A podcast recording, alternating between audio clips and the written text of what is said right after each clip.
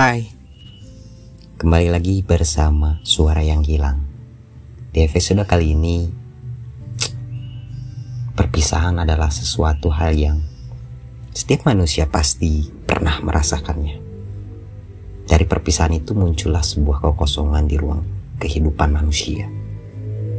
Ada yang mampu dengan cepat mengisinya kembali, dan ada juga yang butuh waktu untuk sekedar membersihkan tempat yang sudah ditinggalkan itu.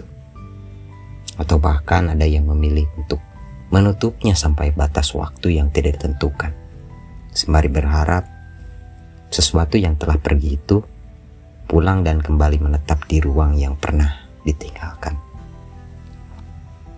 Bahkan sebagian orang rela menunggu sesuatu itu kembali walau pulangnya hanya sebatas singgah untuk memberi kabar.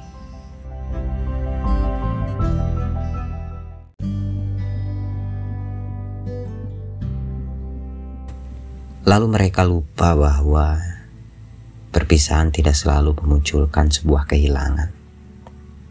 Tapi bisa jadi kepergian itu justru cara Tuhan untuk mengajarkan bahwa kita harus saling menguatkan cinta kasih.